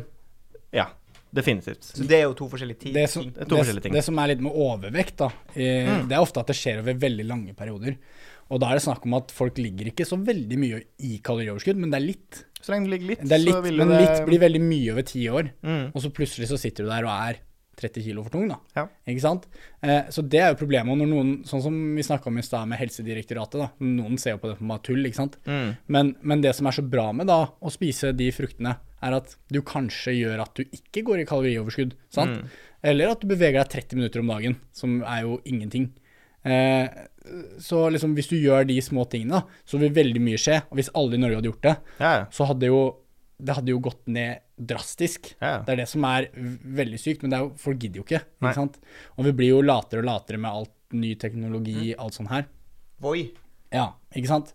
Og det er, det er motstridende, da. Selv om det er veldig digg når du skal et sted og det tar deg fem minutter istedenfor å gå i 20 minutter. Ja, ja. Men det å være litt obs på det, da, og liksom f.eks. få det inn i skolen og sånn som vi snakka om, litt om at du får den kunnskapen da, tidlig, tidlig alder. Jeg, jeg skjønner ikke hvorfor samfunnet ikke kan gå inn og se på forskningen vi har nå, da, og si at nå er det, nå vet vi det her. Mm. Lær det. Lær det til barna våre, ikke sant. Det er viktig, da. Jeg føler at det er en, en enorm polarisering. da. Du har uh, stadig flere som pusher mot uh, at fitness eller å være i god form uh, og det å være veldreid er en viktig del. Mm. Og så har du stadig flere som benytter seg av løsninger som Voi og robotstøvsuger, og som fjerner all mulig form for aktivitet. Ja. Så du får en mye større polarisering i samfunnet. For jeg føler at hvis du ser på sånn polaroidbilder fra 80-tallet, så så alle fedre helt like ut. De var ikke. I fettgod form, og de var ikke feite. De var liksom bare jo, de var relativt god form. Mange av dem var jo mye fysisk Ja, aktivitet. de var da, fysisk aktivitet problemet hele tida. er jo- Overspiste ikke, så de var i relativt god form. men problemet var jo alkohol og røyk. Ja. Hvem. Ja, on. Men eh, når jeg skrev bacheloren min når jeg bodde med deg i Trondheim, Ja. så så jeg på litt tall da, i forhold til det her med overvekt og sånn. Ja. Eh, og så så jeg litt på hvor mye penger vi brukte i Norge på uh, helse. Ja, ja. Og det var vel, gjennomsnittet per person var jo 66 000 og et eller annet. Ok. Eh, og helsebudsjettet var jo enormt. Det er mange, det er snakket om titalls milliarder kroner. Ja, ja. Og hvis, la oss si at 11, jeg tror 11 var overvektige i Norge, Mm. eh, og så så jeg på raten hvis det fortsetter, til 2100. Mm. Og da var det så mye som 45% av Norges befolkning kunne være overvektige, hvis det fortsatte med, med den raten. Da. Ja. Og, og, og vi sliter den dag i dag da, med penger til blodfortynnende midler. Vi har ikke nok, ikke sant? Eh, og tenk deg, vi blir jo flere og flere mennesker også. Det er, det er jo en kostnad for Norge, det her, da, som Ja. er helt uvirkelig høy fordi vi sitter på ræva. da. Ja, for du har jo en litt sånn der kontroversiell mening. Du vil jo fram med rasjonskort. Ja, ja, egentlig. Fascist Altså, jeg syns jo det er gøy, i hvert fall gøy å nevne og si det for å provosere folk, eh, at man burde rasjonere kalorier. Eh, Bare fordi at jeg ser ikke noen grunn til at folk skal få lov til å overspise Nei. i den mengden man gjør. Men man får jo lov til andre ting som er skadelige. Du får jo lov til å hoppe i fallskjerm, og du får jo lov til å røyke, og du får jo lov til å drikke alkohol. Ja, man får jo mindre og mindre lov til å røyke, da, og så får man jo eh, ikke lov til å benytte seg av alle rusmidler som er skadelige. D- så det er jo litt sånn, det er jo mye kulturelt der. Ja. Men akkurat den overspisinga er jo på en måte veldig beviselig dårlig, og det er ikke noe Altså, det nest, eneste grunnen til at det er, er at folk koser seg. Ja. Eh, og så er jo altså, spørsmålet Og så er- korttidskosing, som da kanskje går utover langsiktig livskvalitet. Ja. Så da er det litt sånn, skal du lære folk uh, å ha det hyggelig i lang tid, eller skal du la dem kose seg til døde, Ja. på en måte. Ja. Og så er det spørsmålet er de kostnadene noe man burde være villig til å ta. Jeg mener kanskje ikke. Uh, akkurat nå ser det ut som flere og flere, blir- flere, og flere blir overvektige. Ja, men skal vi også si at du ikke har lov til å kjøre Altså, du må ha Du må rasjonere bilkjøring også, for det er jo dritfarlig. Og en enorm kostnad. Det prøver man jo også. Ja. altså, det er jo ting man prøver å gjøre. Det eneste man ikke prøver å gjøre, er jo nettopp det å rasjonere overspising av kalorier. Det er veldig sjelden. på TV. Bama eh, bruker jo masse penger på å få inn masse Ja, kjendiser. men burde man hatt litt mer, sant? Burde vært tydeligere på matvarer, på hvor mye kalorier det er i matvarer? Burde vært tydeligere på pakken? Burde stått i større tall? Kanskje burde vært speil på alle eh, sånn junk-matvarer. Så er det et speil på forpakninga. Så du, Ja. når du løfter opp pizzaen fra fryseren, så ser du trynet ditt og bare sånn ah, ah, ah. Men jeg, jeg syns liksom eh, at det, det er litt for lite satsing da, Ja. mot det. Jeg er helt enig. Og sånn som at uh, en personlig trener ikke uh, er støtt... Eller hva heter det? Eh, når du er fysioterapeut, så er du jo under staten, holdt jeg på å si. Mm. En lege kan henvise til en fysioterapeut, men Mm. ikke til en personlig trener. Ja. Den kan jo gjøre det da, hvis legen er smart nok. Mm. Men, men en lege trenger ikke ha noe kunnskap på kosthold, ikke sant? så han burde jo henvise til en som kan det. Mm. Ernæringsfysiolog osv. Men, men det er ikke sterkt nok grunnlag for at Hvis jeg går til en kiropraktor, da, Ja. så ja, han knekker meg opp, men hva er, det, hva, er det, hva er mer enn det, liksom? Hvis du går til en personlig trener som har litt peiling, da, så vil han sette opp en plan for deg så og så lenge, som er bærekraftig, som gjør at du endrer livsstilen din, noe som er veldig viktig. Jeg jobber jo for et, eh, jeg jobber jo også for eh, Entire Body, Mm. det er en online coaching-firma. Eh, og der, jobb, der er man plikta til tre måneder betaling for oppfølging. Mm. Fordi at vi ser at endring ikke skjer over kort periode. Da? Så kan du fortsette etter det hvis du er fornøyd. ikke sant? Ja. Men, men det her er jo det vi bør satse på. Ikke Ja? Vi må satse på de firmaene som hjelper folkemassen å over lengre tid komme, eller få en bedre helse. ja. Det er dritviktig. og nesten så bør man jo på en måte prøve å skaffe et mindre behov for uh, PTA. Det, det, det er jo rart Ja, å si ja, ja, for det er sant. Men er altså, sørg for at folka, ja. folket har så mye kunnskap om at man ikke alle eh, trenger PTA. Det er jo litt det samme som at uh, dem som digger kriminelle mest, er jo politiet. Fordi hvis ikke hadde vært kriminelle, så hadde ikke de hatt jobb. Ja, nettopp. Og dem som digger sjuke folk mest, er leger. Så jeg, jeg, har en, jeg har en mentor som heter Soros Jusani. Han er en fantastisk fyr. Han uh, sa til meg en gang uh, Always try to fire clients. Fordi at, Ja. fordi at du, Du vil, at du, vil, du vil kvitte deg med kunden din. Fordi at min jobb som coach da, det er jo å lære kunden alt jeg kan. Mm. Og når kunden min kan alt jeg kan, så klarer den kunden seg selv. Mm. Men tror du ikke han eller hun vil da gå til ti andre og si han er helt fantastisk? Ja. Og jeg vil jo bare få flere klienter, ikke sant. Så min jobb er egentlig bare å eh, Spread the good word. spre det jeg kan og har av kunnskap, sånn at eh, folkemassen eh, i Norge blir sunnere og friskere og ja. Hva er det som er den største utfordringa di som eh, Hva er det som går igjen mest når du jobber som PT? da? Er det på en måte det å få folk til å liksom holde hjulene i gang? Er det den der sende tekstmelding bare sånn 'Nå må du ha deg på trening'-aktig Du sier det sikkert ikke på den måten, da, men, men at, at liksom når folk liksom begynner å bli lei, da, sånn som meg, når jeg har eh, fasta i tre uker og tenker faen, hvorfor ser ikke jeg ut som Supermann, eller hvorfor ser ikke jeg ut som jeg kommer rett fra Auschwitz nå? Det var jo det som var planen.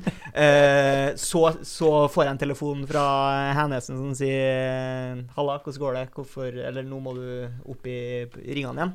Um, hvis du eh, først har vært min kunde, så du aldri driver og fasta og holdt på sånn som Nei, det skjønner jeg. Så min jobb som, med, med det første møtet vi har, da, det er jo å få deg på riktig spor, Ja. sant? med noe som du syns er overkommelig. Mm. Eh, og som vi snakka om i stad, det er nødt til å være gøy, da. Noe som gjør at det her kan jeg fortsette med.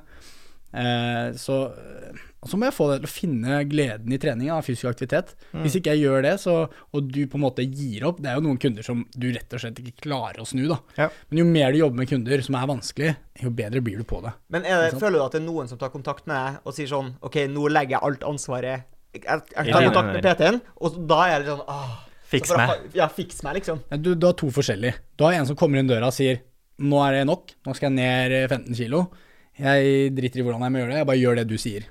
Og de liker jeg veldig godt, for de er så bestemte. Og jeg blir ofte god kompis med de. Ja, okay. Eh, for vi får et godt samarbeid, fordi de, de vil jo lære. Ja. Ikke sant? Er du lærevillig, så, så kan jeg hjelpe deg å nå det du vil. Mm. Eh, for jeg kan teorien bak det. Ja. Sant? Eh, men så har du de som kommer inn og bare sier sånn Jeg Hva er en treningsplan? Eh, du fikser det her. Og så er det sånn OK, greit. Eh, så begynner jeg å snakke med kunden da, ikke sant. Og så setter opp en kjempebra plan og alt sånt der, og sier OK, neste uke så ses vi der og der. Og så kommer det med unnskyldninger. Nei, jeg må jobbe. Nei, jeg kan ikke. Jeg kan ikke da, kan ikke da. Har barn, alt sånt der. Mm. så det er jo noen som er vanskelig å gjøre det vanskelig for seg selv, da. Men til syvende og sist så er det alltid opp til personen. Ja. Eh, Jeg kan være der som en støttespiller og gjøre min del av det, Eh, men eh, jeg kan ikke trene for deg, holdt jeg på å si. For det må jo være veldig frustrerende når du på en måte Du legger jo alt til rette for at uh, personen skal gjøre det beste for seg sjøl, og så gjør de det ikke.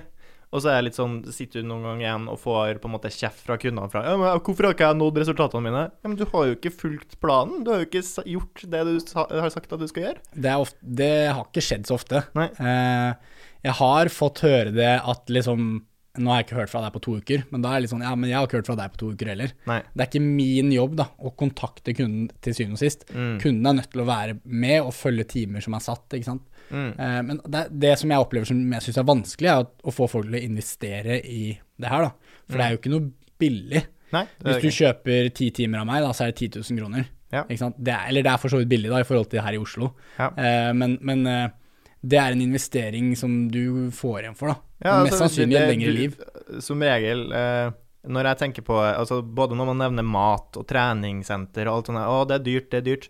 Ja, men så er det også Du investerer i helsa di, og den betyr mye, altså. Mm. Det er viktig å ha god helse. Du har jo begynt med et nytt regime, en slags Jean-Claude van Damme-aktig rituale på Ja. morgenskvisten, eh, som er en sånn litt annen approach til det derre eh, Det forfallet som skjer når man blir gammel. Ja. Det er jo ofte at man blir jævlig stiv og støl og liksom krokete og eh, For du har begynt å tøye. Jeg har begynt å tøye. Hva er det her for noe påfunn? Eh, Det er jo fordi jeg begynte å få så vondt i ryggen eh, til vanlig.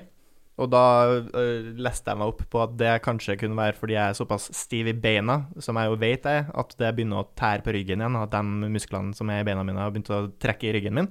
Eh, så da har jeg å prøve å trene eh, bein og begynt å tøye beina mine. Og så fant jeg ut at når jeg begynte å tøye beina mine, så har jeg mm, tendens til veldig vondt på utsida av hoftene mine, ikke nødvendigvis på innsida når jeg skal tøye mm, lysken. Så det er først vondt på utsida av hoftene. Eh, Så lurer jeg på hvorfor det. Og så har jeg vært til fysioterapeut for første gang i mitt liv. Ola.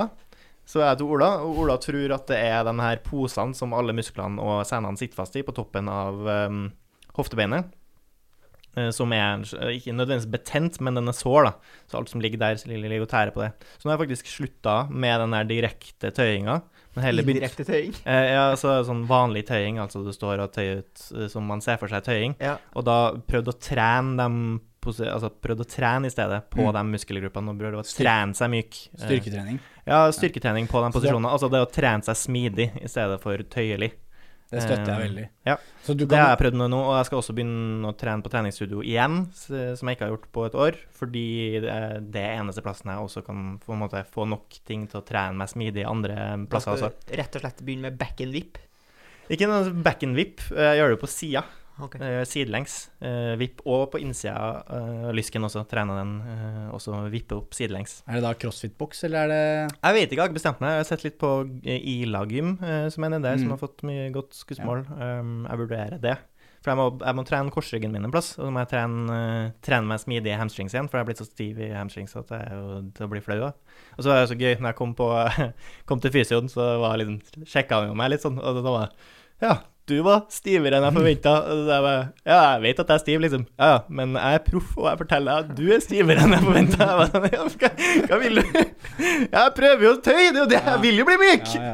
Men det var liksom Ja, så en slags øyeåpner der også. Og nå igjen så er det ikke så viktig for meg å bli sterk fort, eller liksom bli sterk i mark, bli sterk i benk, bli sterk i knebøy og sånn som jeg var viktig for meg før. Eh, nå er jeg på en måte Det er viktigere for meg å bli smidig og bli sterk litt overalt, og da er jeg ikke like farlig å kaste bort en treningsdag på å trene stabilitet, f.eks., som jeg ga faen i før. Jeg ville bruke alle treningsdagene mine på å bli sterkere. Men hvis jeg nå kan bruke noen treningsdager på å bli smidig, så har det liksom ikke så mye å si for meg. Det, det, det er fint. Det er bare bra, tror jeg. Sunt. Er målet ditt den der eh, gamle Volvo-reklamen med Jean-Claude Van Damme? Jeg vet ikke om du så den? Nei. Eh, de hadde jo det var en reklame for noen sånne Volvo Det er Volvo autostyring på Volvo, var det. Ja, noen sånne semitrailere. Så står han på taket med én fot på hver trailer, og så rygger de fra hverandre. Og så Ja. ender han opp i en spagat. da. Det er ganske kul ligg på YouTube. Hvis, du har lyst til å, hvis, du, hvis du trenger motivasjon for å trene smidighet, Ja, så Dere, dere, må, dere må få sånn på poden her at vi kan, vi kan slå opp Ja, vi må slå opp, slå opp ting. Men eh, ja, nei, jeg bare syns jeg sjøl også, fra at da jeg var litt yngre, så ville jeg helst være deilig og sterk. Da kunne kan jeg konkurrere på styrke med guttene, og så kan jeg være deilig for jentene. Det var det viktigste for meg. Nå Ja. vil jeg heller være funksjonabelt sterk, da. Ja. Og det er jo litt sånn noe som kom inn med crossfiten, da begynte der òg. Liksom, Ja. Kunne være flink til forskjellige ting. Ja. Eh, Det er, et, er det er et behagelig. bra mindset bak den idretten. Egentlig. Ja. Selv om den er veldig ekstrem. Ja, det, Eh, det skal sies. det er den. Men eh, det er veldig fint, for det handler om å være flink på å bruke kroppen din til alt. da. Vi snakka jo litt om ernæring i stad, eh, og så ser jo dere som hører og ser på, ser at det sitter tre stykker. Eh, men jeg skal representere eh, produsenten vår, eh, Martin, som eh, sitter og ser på skjermen. For han har jo kutta ut kjøtt. Okay. Og du har jo litt peiling på ernæring. Ja. Hva er fellene å trø i når man kutter ut kjøtt fra dietten? Det kommer litt an på. Um, hvis du kan spise egg og, og noe protein fra dyr, da, så er jo, da får du i deg en ganske god proteinkilde der. Man må jo passe på proteindelen, da. At du får i deg eh, nok proteiner hvis du trener styrke og sånn. Eh, og det å ha et proteinrikt kosthold er jo sunt, fordi at eh, proteiner gir en termisk effekt da, som gjør at du kan holde litt mer på mettheten. Mm. Ehm, så, men hvis du, hvis du er flink til å passe på å få i deg nok proteiner, så er det ikke noe problem å kutte ut kjøtt. Men og det, der er jo bare en skyte inn at uh, alltid når man nevner proteiner i kosthold og sånn, så tenker folk også uh, den der stigmatiseringa sånn Å, bare muskler, muskler, muskler, muskler. Nei, proteiner bruker til å bygge alle celler i kroppen din. Det er Mm. ikke bare musklene dine, du trenger det til alt. Ja. Det er liksom ikke Du skal ikke bli bruke boler fordi Du spiser mye du Er det derfor jeg ikke har hår? For jeg har ikke spist nok proteiner. Er derfor du er Ikke har hår. Eh, Ja. Det er fordi du ikke har spist nok proteiner. Mer kjøtt. Ja. Hadde du spist mer uh, makrell i tomat til frokost da du var liten, så hadde du ikke mista håret. Trym. Men jeg syns det lukta så gærent. Men sånn som jeg anbefaler jo f.eks. Å, å kunne spise fisk og sånn, da, fordi Mm. at det inneholder veldig mye Altså, og du har jo omega-3 og alt sånt. Du har jo Mm. tilskudd av det. Jeg kan ta tran, f.eks. Men Selvfølgelig. jeg vet ikke om det skal kuttes ut, da. ikke sant? Nei. Så hvis man kutter ut kjøtt, så er det jo Det er ikke noe problem i det hele tatt. Eh, du har jo veganere som klarer seg helt fint. Jeg har jo en, en kompis som eh, er i samme team som meg, i Ata treningsutstyr. Og han eh, Chris, eller Kristoffer, da, han, eh, han er jo veganer. Mm. Eh, eller nesten, i hvert fall. Ja. Men han, han, er jo, han er jo en av de bedre trente gutta i Norge. Ja. Han er helt ekstremt godt trent. Det er jo latterlig. Han er 19 år og bare knuser alt. Mm. Så um, alt er mulig. Ja. Men du må være litt obs på ting, da. Sånn at du får i deg nok, nok av de næringsstoffene vi trenger. Så hvis du tar det valget, uansett om du gjør det på en måte av eh, ernæringsøyemed, eller om du gjør det på en måte av en etisk grunn, at du rett og slett er mot Ja. f.eks. slakting av dyr, det, Ja. må jo være, det må jo være greit. Ja, Så må du på en måte ta konsekvensen av det. Ja, og jeg, jeg tror nok at det er best å forholde seg til den, eh, den delen. da, At eh, du gjør det fordi at du pga. at du ikke støtter det som er rundt. Mm. Det tror jeg er den riktige grunnen å, å ta hensyn til. da. Ja. For, for eh, det er ingenting galt med å spise kjøtt hvis du spiser det med måte.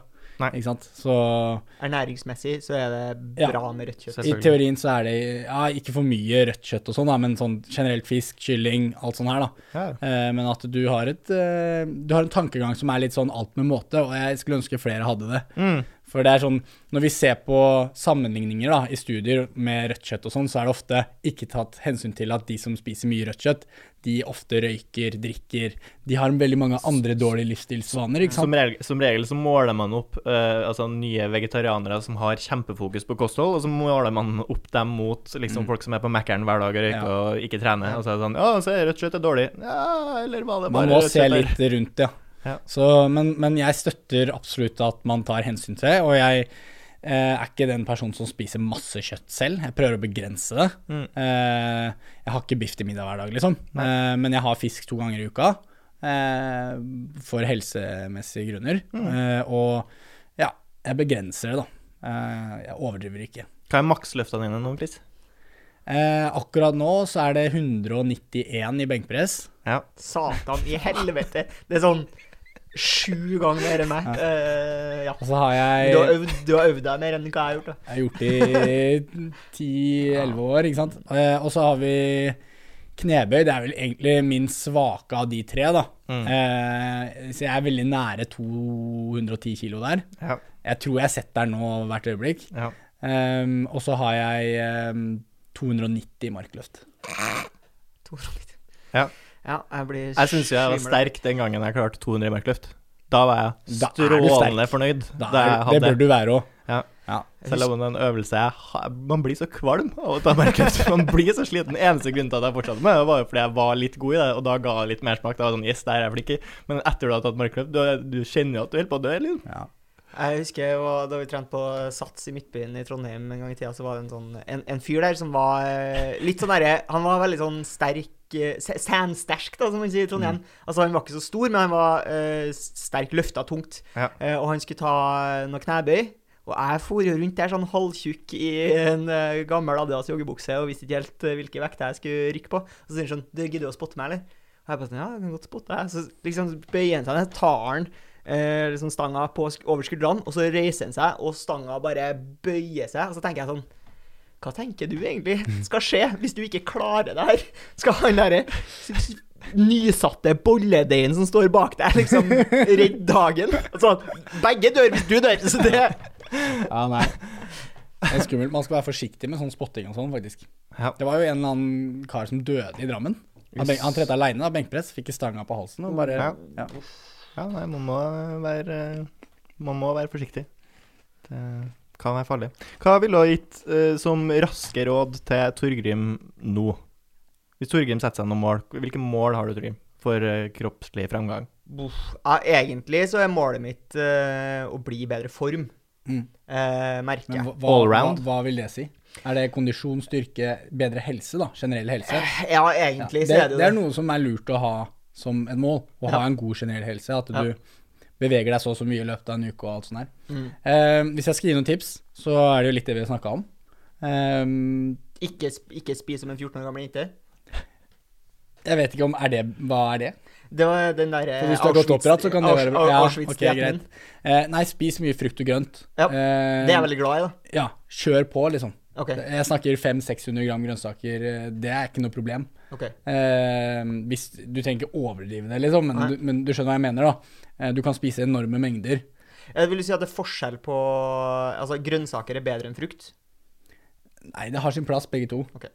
Men eh, hvis du bare spiser druer, da, som egentlig har en del kalorier, så er jo Ja. Så går det i kalorioverskudd, så går det kalorioverskudd, ikke Ja, sant? Så det, sånn er det, men Fordi det føler jeg er en, en felle folk kan gå i. At man blir skuffa på sånn eh, Ja. Men jeg spiser jo bare frukt og grønt. Ja ja, men du spiser jo Men la, Det skal godt gjøres å Å spise seg feit på banan. banan og druer. Altså. Selv om det er masse sukker i banan og druer, så skal det godt gjøres hvis du bare liksom spiser det. Nei, det også er det ehm, Beveg deg, da. Vær aktiv på et eller annet vis. skip voien.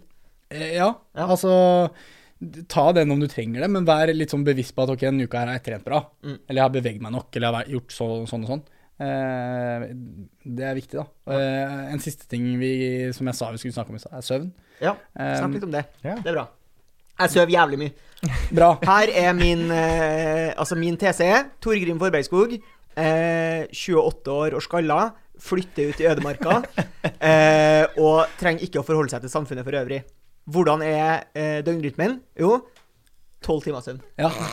Det der er helt sjukt. Det der er helt sjukt. De, de, jeg leste et studie en gang hvor de flytta folk til Nettopp sånn, da. At de bare bodde ute i Jeg, jeg husker ikke hvor det var, men Nei. de bodde vekk fra sivilisasjonen, da. Ja. Og da endte alle opp med å sove over ti timer til Ja. slutt. I alle dager. Ja, det er helt Ja. sykt. Men, men det anbefales syv og en halv time eller mer.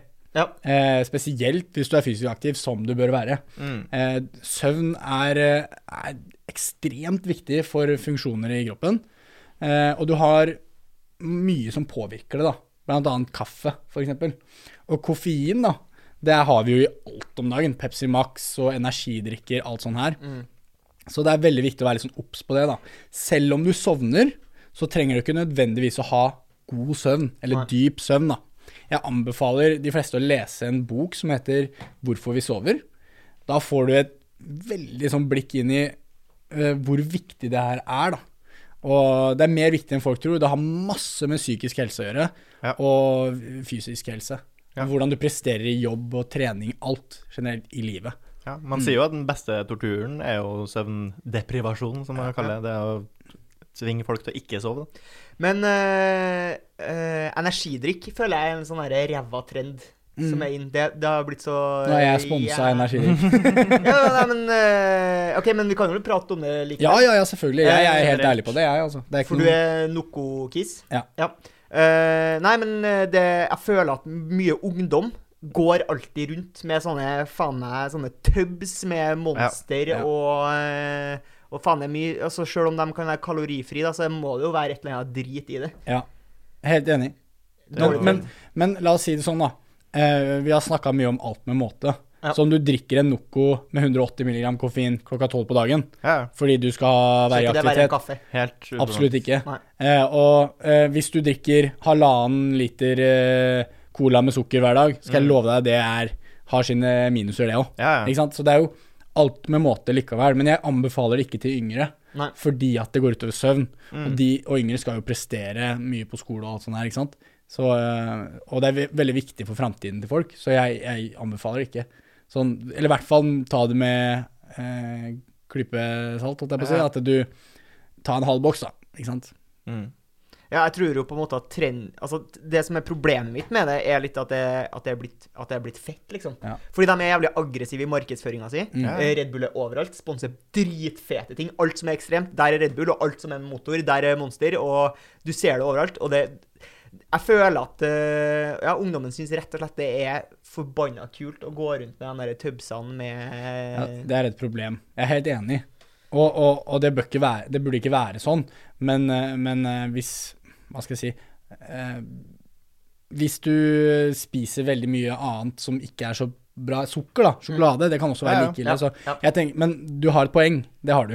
Eh, så det, det trenger ikke nødvendigvis være så positivt for de yngre. Det støtter jeg, faktisk. Men, det, men eh, samtidig så er det noe positivt med det, og det er jo aktiviteten det medbringer, da. Mm. Ja. Eh, sånn som Noko, eksempel, de er jo veldig på det her med at vi skal promotere trening, helse, Mm. alt sånt der. Ehm, og det har jo vært promotert BCAA ganske lenge, som Mm. egentlig ikke har noe effekt for noen ting. Uh, men men, uh, men uh, det går litt mer bort fra det, og litt mer over på det helserelaterte, da. Og det er veldig viktig, Ja, ja. ikke sant. Eh, så det vil jo få folk til å være aktive også, som er det positive igjen, ikke sant. Absolutt. Så det har sine negative og positive sider, da. Mm. Men jeg, jeg støtter den. Eh, De yngre burde holde seg unna det. Det burde vært aldersgrense, rett og slett. ja, er det ikke det? Til en viss Jeg tror det var det en gang. men, ja.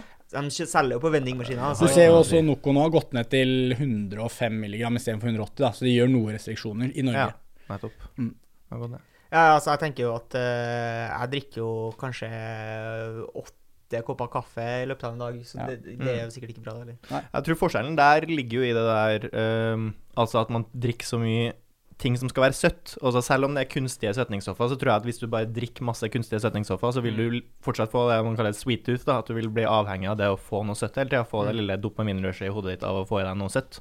Sånn, samme som du får av sukker, og så får du det fra aspartam eller sukralose eller eh, uansett hva det er. Så det, jeg tror ikke nødvendigvis det er bra å gjøre seg vant på å alltid drikke noe søtt. Ja, jeg føler at det, den der, Altså, at det er litt gjennomgående. At det ikke Mm. bare gjelder det å spise, men det er rett og slett å bli stimulert hele tida. Ja. Uh, vi sitter på telefonen hele tida og blir fora med dopamin. Uh, vi sitter og ser på Mac-en mens vi ser på TV-serie. Mm. Eh, Sebastian klarer ikke å stå i ro og lage middagen sin engang, bare. Mm. Eh, folk pakker vi, Altså, vi er Vi har Som om du står og ser på pizzaen din når du lager den! Føler ikke hvorfor jeg skal bli utsatt hele. Nei, det som er greia, er at jeg og Sebastian vi har vært eh, eh, samboere nå i et år. Eh, og han forrige jeg bodde med, så var det liksom koselig, fordi at vi var litt sånn her, OK, vi er to, vi trenger bare Det er bare én som trenger å lage middag hver dag. Så vi bytta litt på å lage middag. Og da var det litt sånn her, OK, greit. eh, Lage middag for to, lage middag halvparten av dagene. Og da liksom kan man legge litt i det, da. Mm. Ja. Så driver jeg og lager bruker masse tid på å lage en god middag for to, og så kommer det liksom en biff og en kald gulrot dagen etterpå. Det var rett og slett lite inspirerende. Nei, jeg ser den. Jeg ser den. Ja, det er- skjønner jeg. Det, det får jeg bare beklage. Men jeg er som sagt uh, veldig pragmatisk når det gjelder mat. Jeg skal få i meg næringsstoffene jeg trenger. Det er liksom det viktigste. Og så kan jeg kose meg når jeg skal kose meg, men liksom vanen er at jeg bare må få i meg nok energi og nok proteiner og nok vitaminer. Det er alt jeg trenger. Et litt annet tema. Når jeg ser for meg Når Sebastian sier noe, noen ganger skal jeg kose meg, så ser jeg for meg Jeg har en video av Sebastian når han sitter i sofaen, og så sitter en jente der, og så drikker han en vinflaske som om hun er verdens kjedeligste person å snakke med, og det er den beste videoen noensinne. Jeg og Håvard har jo ledd mye av den. Kan vi gi shout til eh, Håvard? Han det Ja. Det er jo eh, sykepleieren jeg og Kristoffer eh, bodde med, som eh, også for øvrig er noe negativ til bodybuilding. Han har Ja. at eh, Men dere støtta meg Ja, ja. rimelig bra likevel. Ja ja, herregud. Det må jeg få gjøre hva du vil. Ja. Men Nei, må passe på å ha en sunn livsstil, ikke bare tenke eh, utseende. Hvilket forhold har du til trening nå, sånn personlig? Hva ønsker du? Jeg ønsker å bli så sterk som overhodet mulig. Mm. Eh, problemet mitt nå er jo skader, da. Ja. Eh, jeg er litt ivrig noen ganger. Jeg vet jo teorien bak at liksom, jeg skal ha så og så mange, eller så og så høyt volum og sånn, i forhold til før jeg blir skada og alt det der. Mm. Men noen ganger så går treninga veldig bra, og da er det litt gøy å liksom pushe det litt, da. Ja. Eh, og da er det fort gjort å få en liten smell. Så akkurat nå så har jeg vondt her og der. Så det er litt kjipt. Eh, mulig jeg skal være med i en liten konkurranse i desember Mm. med styrkeløft eh, eh, og, og noe vektløfting. Ja. Eh, så jeg prøver å bli bra til det, så nå hviler jeg litt. Så skal jeg begynne oppkjøringa til det. Så nå er målet mitt bare å egentlig spise det jeg vil, kose meg, ha en fin balanse i livet mitt. Mm. Ikke noe være psykisk sterk, eh, jobbe, tjene penger, eh, kjøpe meg det jeg har lyst på, som jeg syns er gøy å drive med. Mm. Eh, Sverd, for eksempel. Sverd, for eksempel. eh, og ja. Jeg har jo kjøpt meg leilighet, så Ja. jeg har jo pussa opp den litt nå, og det koster jo dritmye. Så man må jo det. ja, Ja. Det er helt sjukt. Og så må du bruke penger på sånne ting som er sånn ikke noe fett å bruke penger på. I går så eh, Jeg har en veldig snill mor, da, Mm. eh, som har hjulpet meg litt, men det var sånn skobenk. Mm. 1600 kroner. Det er så mye penger, det! Hva skal egentlig en skobenk Ja. koste? Ja. 120. Ja, helt enig. Men det er sånne ting, da. Eh, så nei da. Eh, jeg vil jo bare ha en fin balanse i livet mitt. Eh, Og hva skal jeg si, da? Eh, det, det er viktig for meg da å kunne liksom ha kontroll, da. Mm. Sånn spesielt innenfor økonomi også. Eh, og da må man jobbe og stå på og bygge seg et eh, rykte som er positivt. Mm. Og veien jeg gikk der sånn, det var jo da å bare være veldig teoretisk, og så få det ut i praksis på en veldig ålreit måte for Mm. så mange som mulig, da. Vi møter jo alltid noen som er litt vanskelig, men du skjønner hva jeg mener. Følg eh, Kristoffer på Instagram, du kan jo plugge deg sjøl. Coach understrek Hænes, og så er E H-E-N-A-E-S. Stemmer. Tusen takk for at du kom på besøk. Takk for det, gutta. Veldig hyggelig.